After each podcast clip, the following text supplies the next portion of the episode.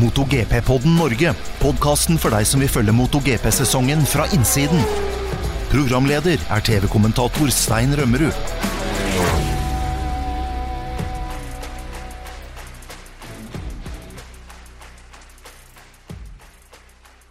Velkommen til årets aller siste episode av MotoGP-podden Norge. Det nærmer seg jul, og vi skal eh, snart eh, gå inn for eh, juleferielanding i MotoGP-podden Norge-studio. Og vi har med Thomas Sigvardsen og Dag Steinar Sundby i dag. Hei på dere. Hei, hei. Ferdig med julegavene? Har ikke begynt. Oi, det er late qualifying, Sundby. Ja, ja. Seint, men bra. Thomas, da er du Nei, vi er direkte til Q2, vi. Så vi ja. drar bare ut helt til slutt og setter en pangrunde. det er veldig bra. Kval 1, vet du, Stein. Det er rett i kval 2. Det var sånn det var. Det, ja. det burde jeg ha tenkt meg. Yes. Dagens tema er uh, concessions, for det var vi litt inne på i forrige episode. Det kommer jo helt nye tekniske regler i MotoGP til neste år for å jevne ut feltet litt og gi uh, de fabrikkene som sliter litt, uh, noen muligheter til å ta innpå forspranget til særlig Ducati, da, som har vært veldig dominerende i år. Og eh, da Steinar og Thomas, eh, hvor mye har dere fått satt dere inn i eh, de nye reglene nå? Det er ganske store endringer? Det er, det er noen endringer, ja. Så jeg har vel ikke satt meg helt inn i det. Men jeg tror at du har gjort, Stein, at du har malen her. Ja, dere får hjelpe meg litt. For at, ja, det, skal det, det, det er ganske komplisert. Men uh, dette dreier seg om såkalte concessions, eller skal vi kalle det tillatelser. Altså de får litt sånn fritak fra strenge regler for å kunne utligne forskjellene, som sagt. Fordi Ducati har jo dominert veldig nå den siste tida, og det er viktig at eh, produsentene da får en mulighet til å ta inn på forspranget litt. Og Derfor så har man nå blitt enige om et helt nytt eh, regime med regler som regulerer både hvor mange dekk man har tilgjengelig på tester gjennom vinteren, hvor mange tester de ulike teamene kan kjøre, og hvor mange wildcards de får. Og Kort fortalt så dreier dette seg om at man tar utgangspunkt i hvor mange konstruktørpoeng en eh, produsent tar. For Det er jo et eget mesterskap det også, mellom eh, produsentene. Og I år så var det jo Ducati som vant konstruktør-VM, helt soleklart. Og der er det da eh, rett og slett sånn at hvis man tar mer enn 85% av de tilgjengelige poengene man kan ta som konstruktør, da er man i kategori A. Hvis man er mellom 60 og 85% da er man i B. Og hvis man er mellom 35 og 60 poeng, 60 da er man i kategori C. Og hvis man har tatt mindre enn 35% av de tilgjengelige poengene, så er man i kategori D. Og da er det dagens quiz. Hvem tror dere er i kategori A? Dag Steinar Sundby. Hmm. Kan det være Ducati? Det er helt riktig. Fantastisk. Og, og i kategori B, hvem tror vi er der, Thomas? Der er det ingen. Det er helt riktig. Det er for et uh, nivå vi har her. Kategori C, der har vi de um, europeiske utenom uh, Ducati, og det er KTM Aprilia. Og i kategori D, helt nederst, der har vi de to japanske produsentene nå, Honda og Yamaha. Og det betyr at uh, de har langt flere dekk å jobbe med i vinter enn det, enn det Ducati har. Vi kan begynne med Honda og Yamaha, da, som er i kategori D. De har da tilgjengelig 260 testdekk i løpet av, eh, av, eh, sesongen nå. De står helt fritt til å gjennomføre eh, private tester. Og det kan de gjøre på hvilken GP-bane de ønsker. Og det er ganske radikale endringer, for dette var det jo veldig, veldig strenge regler for inntil i år. Thomas, hvor viktig er dette for Honda og Yamaha? Nei, Det tror jeg faktisk er en av de punktene som, som blir mer viktig. For um, nå har det jo bare blitt strengere og strengere for hvert år, egentlig. Og færre og færre baner hvor man, man får testa. Og så ettersom de henger nå i forhold til Ducati, så tror jeg det å kunne gjøre ikke bare wildcard, men også tester på ulike, ulike baner egentlig over hele verden, vil hjelpe den utviklinga til til å akselere forhåpentligvis litt fortere. Og det tror jeg er mye av grunnen til at de de ikke har satt noe maks antall baner man kan kjøre de wildcarda på. For det, det, gjør det veldig vanskelig når de kun har to-tre baner de får lov å teste på gjennom året. Da. Mm. Og da vil de jo da teste sikkert veldig mye nå. jeg tror grunnen til at denne regelen ble innført, var for å holde kostnader nede, rett og slett. At man sa at det var jo enkelte fabrikker som hadde så mye ressurser at de kunne jo i prinsippet bare ha testa hele tiden.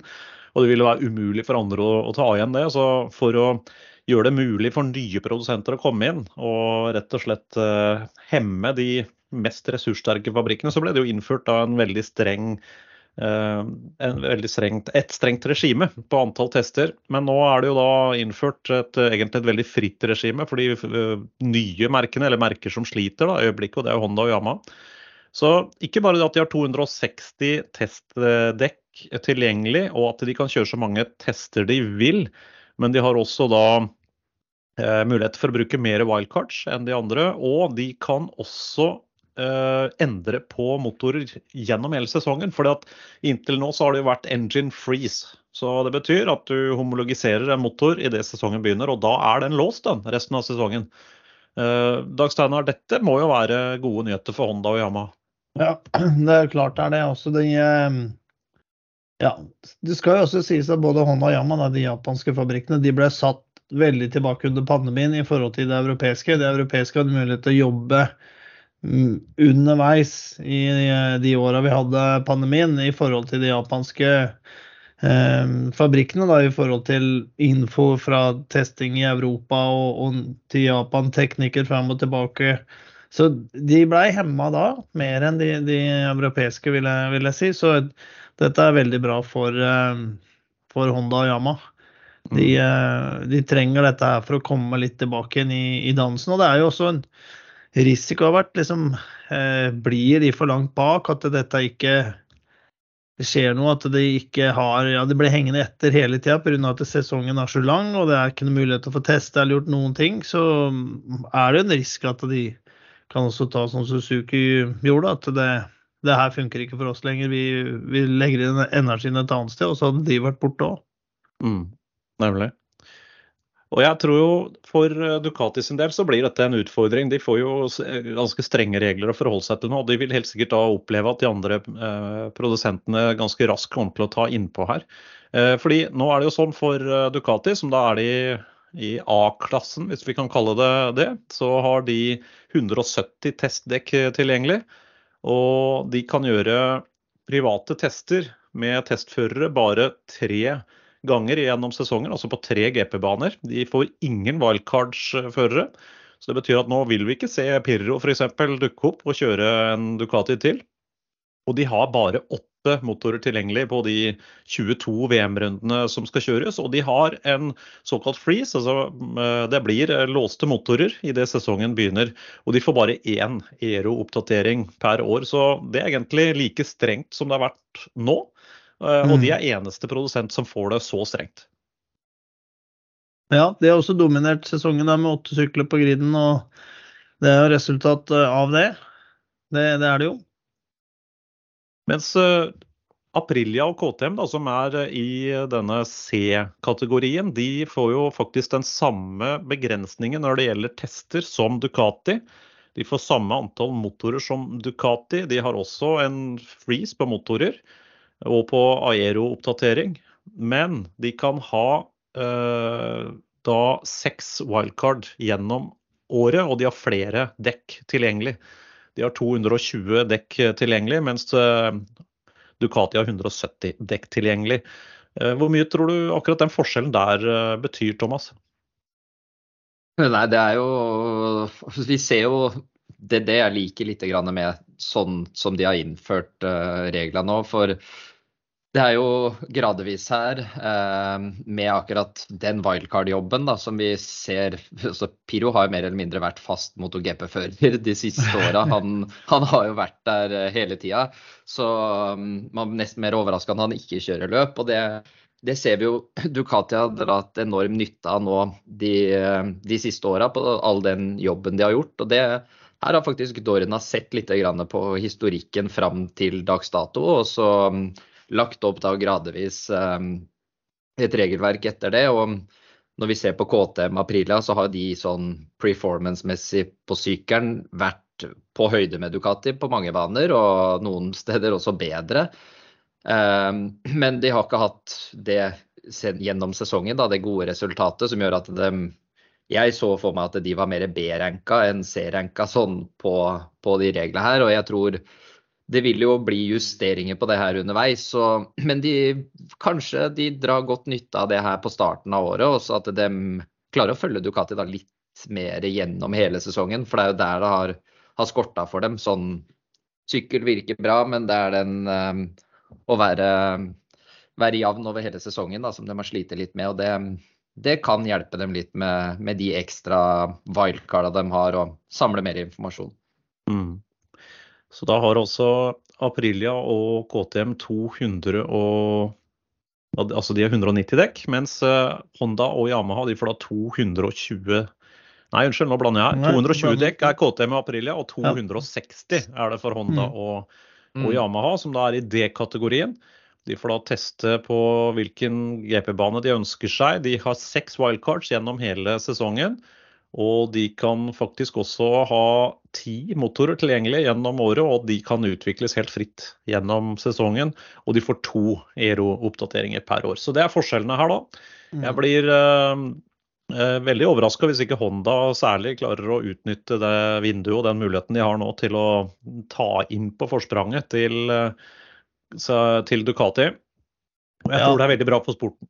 Ja, jeg tror det også. Også uh, kunne jo virke som på på nei, på Valencia-testen at av de to japanske så var det Honda som hadde jobba mest og uh, ja, trådt til mest. Det var mest for, forandringer. Og Juan Mir var jo fornøyd med at det var en, endelig en utvikling på sykkelen som en merka som var veldig positiv. Mm. Så det... jeg føler at de har, har en liksom sagt at nå, vi har sagt A, så nå skal vi si B, og så nå skal vi være med igjen. Kanskje mer enn det Yama har gjort. Ja. Den Hondaen vi så nå på, på testen i, eh, i, Valencia, Thomas. Eh, når du har hatt litt tid til å studere det nærmere, det, hvilke konklusjoner trekker du? Nei, Jeg syns det virker, eh, som Dag Steinar sier her, da, at de, nå, nå, har de på en måte sagt A. Eh, en god stund. Eh, og så skjedde det lite på Misano sånn Det skjedde nok mer enn det vi så, men, eh, men alle var litt skuffa. Mens eh, nå når de åpna garasjen, så var det fikk jeg følelsen med en gang at nå, nå mener de alvor. Og um, det var en helt annen sykkel. Um, nå har de på en måte kasta det konseptet de har jobba på og kommet med noe helt nytt. Nå, vi prata om det litt tidligere i år, at Yama og Honda har liksom fortsatt sett ut sånn aksjelmessig, eh, rammemessig oppbygning av hele sykkelen har vært mer tradisjonell. Nå var det mer en MotoGP-sykkel eh, som er eh, eh, ja, full av aero, um, alle vinkler. Eh, alt ser egentlig ut som mye mer som Ducati Aprilia og de, de syklene som virker. Så jeg, eh, jeg tror det var helt rett tidspunkt å få inn noen sånne justeringer på, på tester. Og um, det at de kan jobbe fritt med motorene, at det passa perfekt for Honda i hvert fall. Sånn som det virker ut som de har trappa opp nå. Så det um, Håper Yamaha blir med på det samme, for der var det litt mer rolig. Men um, alt ligger jo til rette for at vi skal få det tett mot slutten av året. Mm. mm. Tror du um eller dere, da, vært bra for Honda på lang sikt nå på utvikling av sykkelen, at de mista Marquez? Eh, det er vanskelig å si. Eh, det blir jo veldig sånn Nå er det mange som sier at det ikke er bra for Ducati at Marquez kommer inn, for at han er Marquez og kjører på sin måte. Er ikke noe flink til å utvikle sykkel, men Marquez er Marquez. Eh, jeg tror tror det hadde vært bedre å ha han der enn Marini. Men det kan godt være at det er greit å få inn en med ferske referanser fra en sykkel som virker perfekt, og så bygge videre på det. Så um, for å få snudd litt opp ned på ting. Men um, ja, Marquez er uh, Som sagt, det er Marquez, så um, mm. jeg tror, uh, tror, ikke det er, uh, er godt at den forsvant, men det trenger ikke å være negativt heller. Ja, vi har vel sett litt tendensen hos Honda til at de har klart å bygge, en, eh, bygge motorsykkel rundt sin beste fører på en sånn måte at det ofte er vanskelig for fører nummer to, tre og fire å kjøre bra med, med factory-sykkelen. Vi så det vel under Duan-perioden på 90-tallet. Da var det egentlig bare Mick Duan som virkelig klarte å kjøre fort med den totakteren. Vi så det litt med, med Valentino Rossi-perioden og sånn da. Mark Marquez, da han ble skada i 2020, så så vi jo egentlig hvor ukjørbar den Hondaen var for alle andre. Det var jo kun han som kjørte fort med den. Mm. Så det kan jo hende at det har vært eh, Ja, du kan gjerne kritisere Honda for det, men de har vunnet enormt mange VM-titler opp gjennom åra med sin beste fører, da, med, ved å jobbe på den måten der. Nå kan det jo hende at de må bygge en sykkel som er enklere å bruke, mer kjørbar for, for flere. Og Det er vel det som har vært litt av styrken til Ducati nå. De har jo hatt uh, nesten alle førere øverst på pallen, og den, den virker jo veldig kjørbar, mens Hondaen har jo vært veldig ekstrem. Så det kan hende at de må tenke, altså hele filosofien må endre seg litt hos Honda nå. Ja, det kan virke litt sånn. Hvis vi ser tilbake da i på den perioden hvor de kjørte 990 kubikk og i starten på MotoGP, da var jo Honda helt klart eh, best. Og eh, da var det jo det samme litt der som når vi ser med Ducati nå, da. De dominerte jo alle som kom på den, satsa på den 990. Den, de kjørte jo fort. Jeg husker også Alex Barros slo Rossi på Valencia når han fikk eh, satt seg på den der V5-en. Så eh, så eh, Ducati er nok litt der Honda var da på den tida, og det er ikke noe som ikke sier at Honda skal klare det igjen, da. Sånn nå framover. Mm. Nei, det, jeg tror den filosofien må i hvert fall endre seg på den måten. Og det, det kanskje tvinger seg fram når de ikke har én sånn overlegen stjernefører. Da, og at de kanskje er da uh, ja, kan bruke all sin know-how og alle de enorme ressursene som Honda Racing Corporation har til å bygge en motorsykkel som kan utfordre utfordre Ducatiene. Det jeg tror det hadde vært veldig bra for mesterskapet, i hvert fall. For det har vært litt dominans nå eh, Ducati-messig i år. Og det, det har sikkert Dorna sett også. Og det var nok en vekker for dem da Suzuki kasta kortene og forsvant. Og det var jo et skrekkscenario dersom det plutselig kommer lignende nyheter fra Honda og Yamaha. Så det er vel et forsøk her på å prøve både å gjøre de japanske produsentene mer konkurransekraftige, og dermed også mer motivert til å kaste store beløp inn i, inn i serien. Mm. Ja, litt sånn da rundt Honda. Eh, Brivio er jo kanskje litt tilbake under kulissene. Nå ble det jo spekulert at han skulle kanskje ta over Honda igjen, eller komme inn i Honda i stedet for Pooch, eller en annen stilling der. Og så ble det jo også avkrefta at han skulle være i Alpine i Formel 1, men nå er det jo det bekrefta at han forlater Alpine-teamet i Formel 1. Og eh, ja, han var jo han var jo også på Alpeinsdalsfesten i, eh, i Riccioni eh, da etter Misano. Han var jo også der og prata med folk. Selvfølgelig, han kjenner jo alle.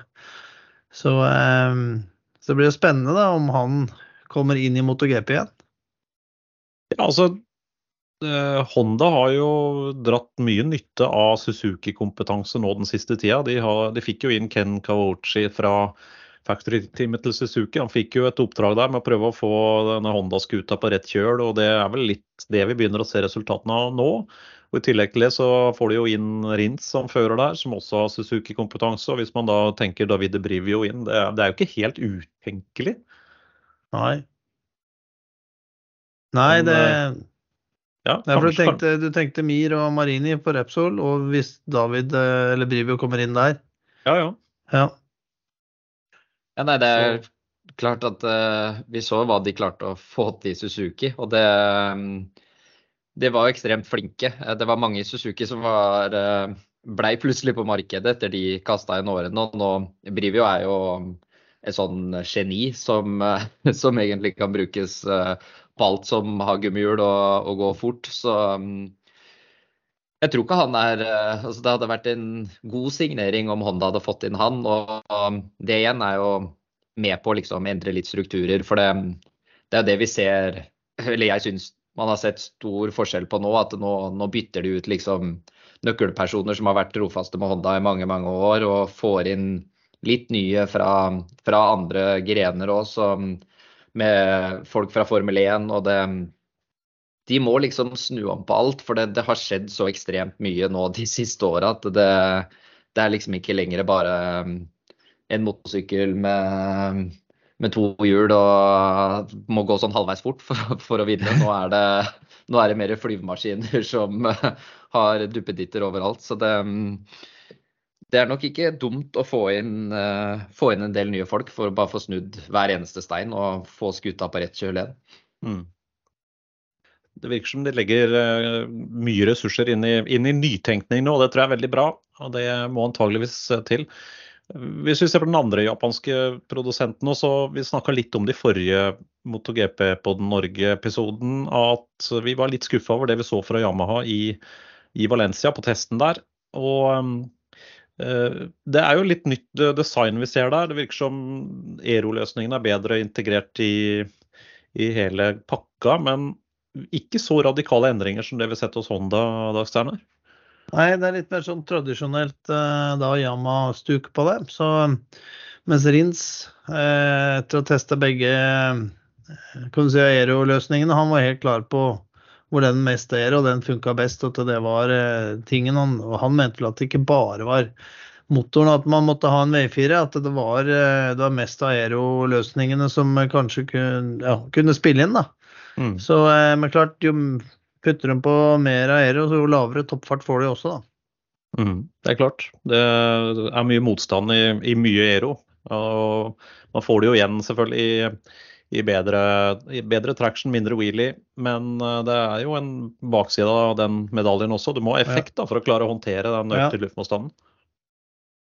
Ja, det er det vi har sett i hele år òg, at spesielt med Honda og Yama. at de de har hatt sånn aero add-on på den tradisjonelle sykkelen. og det resulterer liksom i at det er hjulspinn når du legger inn sjettegiret rett fram, for det bare bremser. Og det, det er ja, Jeg syns fortsatt Yaman var liksom Nå er jeg drittlei å se den der Yamaha-kåpa. Nå må de, må de gjøre noe, noe helt annet, for den har jeg var inne og titta på noen bilder her um, bare for å se liksom utviklinga. Yaman er faktisk lik som når eh, Rossi satt på den uh, når han mm. hoppa over der første gangen. Altså frontkåpe altså, Setet tror jeg ikke de har endra. Det, det, er samme. Så den støpeforma har vært i mange år. Og det, det er der vi ser at uh, Ducati KTM, altså nå med, med den ordentlige Formel 1-spoileren bak på hekken, altså det det er helt annerledes. Og det, der må det liksom eh, Ja, det må komme noe helt nytt. Mm. Så du mener sitsen er fra 2004?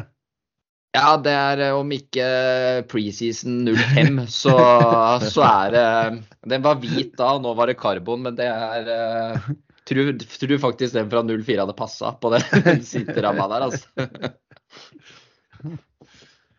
Et et eh, merke som eh, jo kom med en del spennende nyheter eh, de siste ukene, det er Aprilia. Der vet vi at det blir en stor endring til neste år. Fordi RNF Aprilia-teamet det ble jo rett og slett oppløst. Det smuldra jo bort. Og en kombinasjon av flere ting. Men alt tyder jo på at dette var økonomisk relatert. Vi var så vidt inne på det i forrige, forrige podkast, at Kryptodata, som var den hovedsponsoren for, eh, for, teamet. De klarte ikke å gjøre opp eh, regninga si, verken etter den VM-runden de sponsa i Østerrike, eller for teamet. Det gjorde vel også at eh, Raslan Rasali, som var teameieren der, han ble jo dratt med i dragsuget og forsvant ut. Men der dukka det altså opp et helt nytt team på veldig kort varsel. I løpet av bare åtte uker så klarte da amerikanske Trackhouse Racing å stable på beina en Aprilia-avtale som ser veldig spennende ut, syns jeg. De viste jo en Stars and Stripes-dekorert uh, motorsykkel sånn for å få litt ekstra uh, oppmerksomhet. Det er jo et amerikanskbasert team. De er store i bilracing. Driver bl.a. i NASCAR. Og eieren der, han heter eh, Justin Marks, han var til stede under VM-runden i Østerrike. Det var den første MotoGP-løpet han var på innsiden av. og Han hadde vel allerede da en plan. Han hadde vært i kontakt med Dorna og Carmelo Espeleta. Han fikk vite at hvis han skulle inn med et team, så var det sannsynligvis ikke noe ledig før i 2025, og de begynte forhandlingene. Men så kom jo plutselig denne åpningen og den kom mye raskere enn det Justin Marks hadde sett for seg. og Han måtte kaste seg rundt, og i løpet av åtte uker altså, så klarte de å stable eh, et team på beina som han presenterte, med de samme førerne, Miguel Oliveira og Raúl Fernandes. Men en del nytt. Blant annet så trodde vi jo at de skulle arve 2023-sykla til Aprilia, men eh, en del av avtalen som Justin Marks har gjort med Aprilia-bossen, eh, er jo rett og slett at De skal kjøre med 2024-sykler med factory backing. Veldig lignende satsing som det Pramac gjør med Ducati. Hva tenker vi om det greiene her? Jeg tenker at det er positivt. Jeg håper virkelig de er mer solide enn kryptodata var, for da var det jo kryptomoney, det var ikke så store penger der likevel. De, eh, så jeg, jeg, håper de har eh, økonomien til å, å, gjennomføre det her sånn, og det, mye av personalet er jo allerede på plass. Så det er jo eh, eierstrukturen og, og, sånne ting. Det ja, kan hende man har blitt uh, litt motivert av Has i, i Formel 1, som er uh, litt samme opplegget. Uh, men jeg, det er jo økonomi det står på, og at de, de er ydmyke nok til å la de i teamet som har holdt på med dette nå i 30 år og kan systemet, at de, de lærer av de og forhåpentligvis kommer med nye ideer. Det er alltid bra, mm. det. Så nei, jeg, jeg, jeg, håper de har penger, rett og slett til det. Veldig godt, veldig godt tegn at de har eh, beholdt Wilko Selenberg som, som, teamsjef. Det tror jeg er ja. bra. Han har jo enormt med erfaring og er helt sikkert en viktig brikke også fremover. Og så vet vi at det er en del andre av nøkkelpersonene som kommer til å, å fortsette der. Men eh, litt overraska over at det blir en 2024-spekk-sykkel fra Aprilia der som de skal kjøre med. Ja, det er jo, eh, det er som de sier, da. Eh, som Pramac, og det er positivt, det. Men i hvert fall jeg.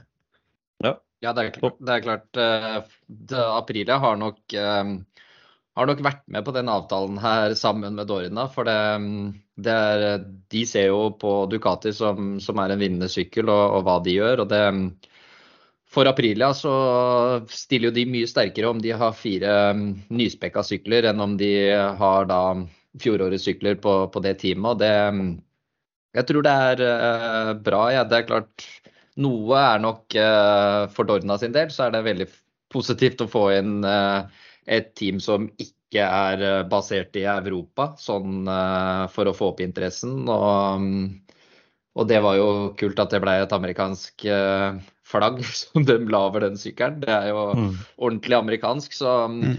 Men de har nok jobba med det, selv om det kom som et sjokk. Så, så har de nok hatt ganske god dialog fra um, fra han var på banen første gangen. Og jeg tror nok Aprilia har pusha veldig på at det er de, de det skulle bli, når det først uh, skjedde det det gjorde med, med krypto der. Så um, jeg tror det er vinn-vinn for Aprilia, og forhåpentligvis så kan de bare bygge videre på For det var jo, var jo ikke noe dårlige resultater fra RNF-gutta i år, det, um, og testen virka lovende, så jeg tror, tror det kan bli veldig bra, ja.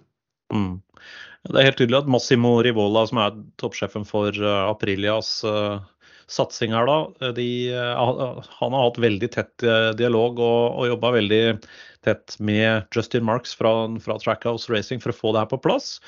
Og jeg har hørt noen intervjuer nå med han eh, Justin Marks. Han virker jo veldig foroverlent og har med seg en veldig sånn amerikansk tilnærming på dette her med å uh, skaffe ikke sponsorer, men forretningspartnere, som han kaller det. Og ikke mm. minst åpne opp mot det amerikanske sponsormarkedet. fordi det er jo en del store amerikanske brands og, og, industrier som er ganske tungt inne i ulik motorsport, bl.a. Indy og NASCAR og, og andre motorsportserier som Eh, og han mener at MotoGP-serien har et veldig veldig bra produkt. At det er høy underholdningsverdi, det er veldig seervennlig, TV-vennlig. Og interessen for motorsykkelracing er økende i USA, så han er veldig optimist da, for å åpne, åpne, opp mot det amerikanske markedet. Og jeg tenker jo at det er veldig riktig av, av Dorna også, for de har slitt litt med det nordamerikanske markedet etter den topperioden som de hadde på, på 80-tallet særlig. da. Mm. Uh, og siste liksom ordentlig Eh, superstjerna fra USA var jo kanskje Kevin Schwantz, som tok uh, tittelen med Suzuki i 93. Og så kom det jo en, uh, en seier til da, med Kenny Roberts jr. i, i 2000. Men det, det, har jo etter det vært veldig dødt fra USA. og De har jo prøvd å skape en slags snarvei inn med American Racing Team i Moto 2, men det har liksom ikke, mm. det har ikke løsna. Nei, nei, vi også hadde Hayden ikke minst i 2006, og, ja, selvfølgelig. som også var veldig populært når han klarte det. Men det er som du sier, sånn generelt så har det jo eh, vært litt dødt. Og i den største klassen hvor de dominerte på 80-tallet, 80 så eh, De ønsker også å se på det, prøve å få til én eh, mot GP-bane til i USA, faktisk. da. Så et mm. løp til. Og det kan jo være mulig hvis de kommer inn med økonomien der og blir satsing da, fra amerikanske firmaer, så eh, i samarbeid med Trackhouse, så tror jeg at det kan være en mulighet for mye mer her nå. Mm. Og jeg ser på oversikten over crew chiefs eh, her, da, så vil eh, Miguel Oliveira han vil ha Giovanni Matarollo som crew chief, og Raúl Fernandes vil ha Noe Herrera. Så det er jo kjente navn, begge to. Um, jeg tenker at dette er bra for sporten og er veldig veldig bra for Aprilia. Og ikke minst at vi får et, eh, et brand som nå på sikt kan komme til å bli en ganske bra utfordrer mot, eh, mot Ducati, sammen med, med, KT. Andre nyheter vi burde innom nå. Det har jo vært litt sånn nyhetstørke de siste dagene, kanskje? Jo, det er, det er jo det. Det er jo Det er fascinerende å se da, hvordan eh, det analyseres nå fra Ducati sin side, de rundene til eh, Mark Marquez, da, med mye hemmelighetskremmeri eh, rundt det der. Så, og det er liksom å komme fra øverste hold hos Ducati, så de, de er jo veldig stolte at den mestvinnende nå gjennom den siste tida, at han går fra et fabrikksteam til et privatteam og kjører dem sykkel. Mm. Og jeg hørte et intervju med med Ducati der og Jorge Martin fra eh, Prima Pramac Racing. Han sa jo at han ble overraska da han hadde sett på dataene til Marquez. For han sa det var svinger på Valencia der Marquez hadde høyere kurvehastighet enn noen andre Ducati-førere. Så det er jo et eller annet han tar med seg inn her, da. Det, det er det. Jeg tror, jeg eh, tror, flere av gutta der hadde med seg sving åtte. Ligger de og tenker på når de er på ferie nå, samme om de ligger på en strand. For det det var noe han gjorde der. og det, det, blir spennende nå når vi kommer over nyttår, hvor, hvor Marquez selv får lov til å begynne å prate litt om uh, hvordan det her var. Men, uh, men, nå er det jo plutselig masse rykter om at Marquez er aktuell for Factory CT 25, og det um, Jo, det dras ja, i gang. Det er jo gull for Ducati, det her, sånn, men, uh, men det gjorde jo på en måte vinterdvalen, det korte tida vi er inne i nå, ja, det var liksom Det var moro å se den testen med Marques der, for det, det gir jo Ja, det kommer til å bli bra neste år. mm. Nå blir det jo noen tester utover vinteren her, da. Vi får en shakedown-test 1.-3.2. Eh, det er kun for testførere og rookier som er på Sepang. Og så blir det en offisiell test en uke senere, da, fra 6.-8.2 på Sepang. Og så er det den offisielle testen i Qatar fra 19.-20.2. Så det braker jo løs da i februar. Det er ikke så lenge til. Det er eh, under to måneder til vi begynner å få, få de testtidene der inn. Og så kommer det jo selvfølgelig til å være private tester for Honda og Yamaha utover vinteren. Som regel er jo den type tester litt sånn Når det er eh, private tester og ikke offisielle MotoGP Dorna-tester, så er det jo ikke alltid man får ut så mye rundetider. Men jeg vil jo anta at særlig for Honda sin del er det viktig å slippe litt uh, nyheter når det, begynner, når det, begynner, å gå i riktig retning. Så vi får se, se utover vinteren.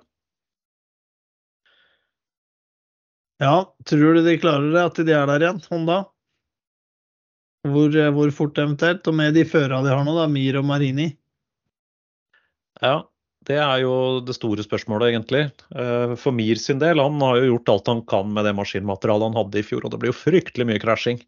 Så han mangla jo feelingen helt, særlig med fronten, så det ut som. Så det han ønsker seg, er nok mer eh, grep i fronten og mer feeling fra fronten. Og hvis han får det, så, så vet vi at Mir er jo en fryktelig god pilot. Han ble jo verdensmester i 2020. Mm.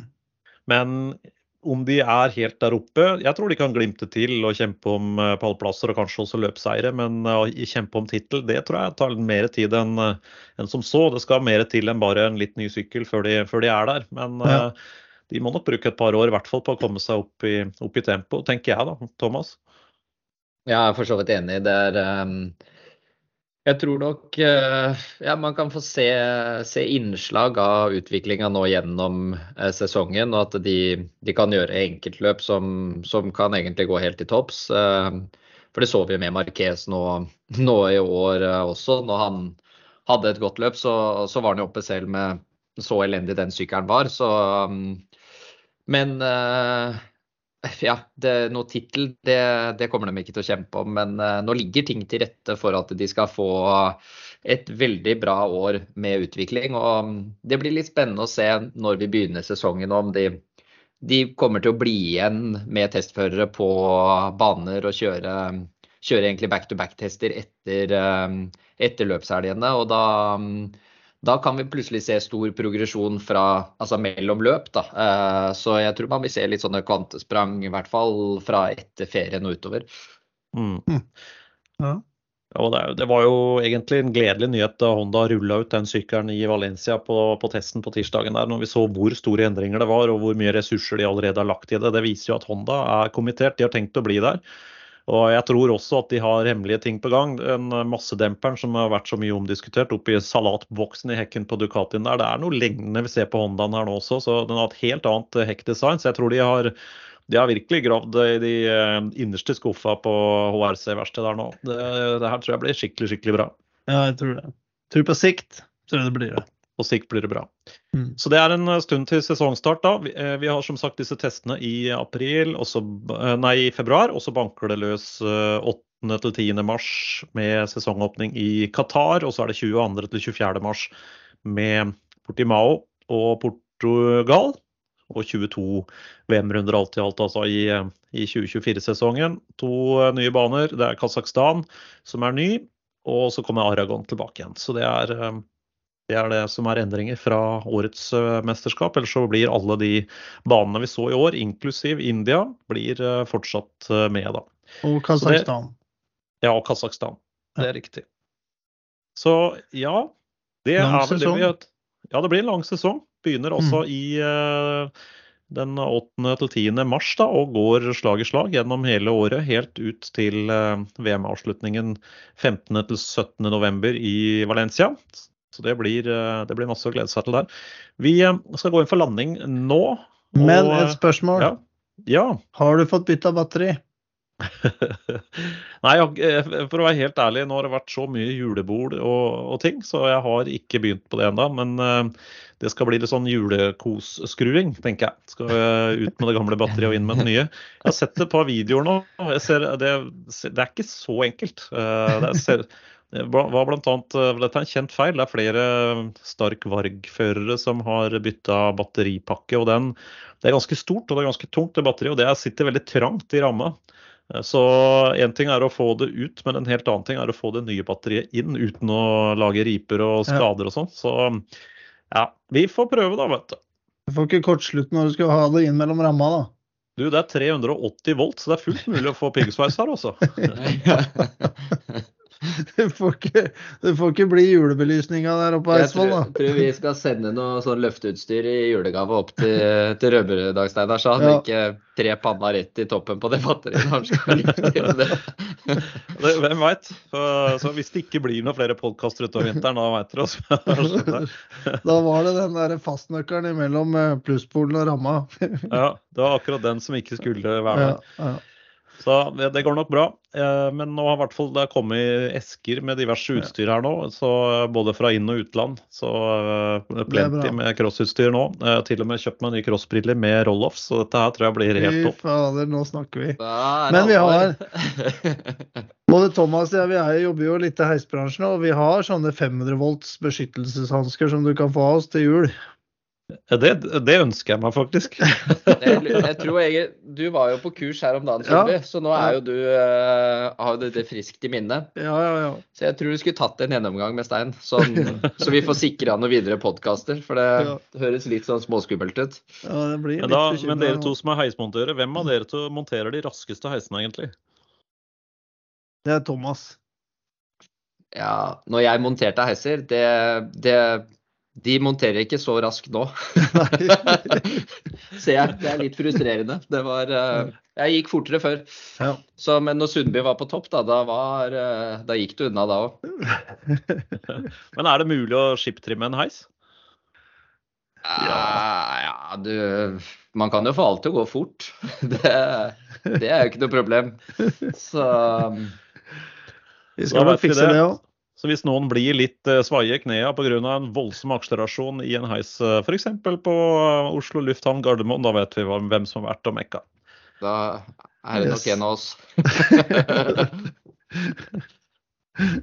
Da gjenstår det, tror jeg, bare å, å, å ønske alle lytterne av MotoGP-podden en riktig god jul og godt nyttår. Vi er ikke tilbake med noen flere episoder i, i 2023, men um, hvis alt går bra og det ikke ble noe tull med batteri på, på Stark Vargen, så er vi tilbake igjen utpå nyåret. Så takk for følget, Thomas og Dag Steinar. Det har vært en glede. I like måte. Like Så måte, ja. riktig god jul, gutter. Og jobb, sikkert. Ja. Det skal vi gjøre. Takk, og ha det bra.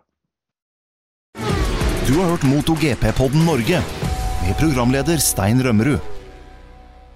Velkommen til en ny episode av MotoGP-podden Norge. Det nærmer seg jul, og da har vi med to eh, Nei, der må jeg ta en gang til. Hva hadde du tenkt å si om oss nå? Nei, så Det var har pent. To, har med to nisser. nisser. Du, du kunne jo sagt det, da. Det er fint. fin, fullt av eh, nisser. Ja, Ja, ja, ja. Jeg prøver igjen, jeg. Gjør det, du.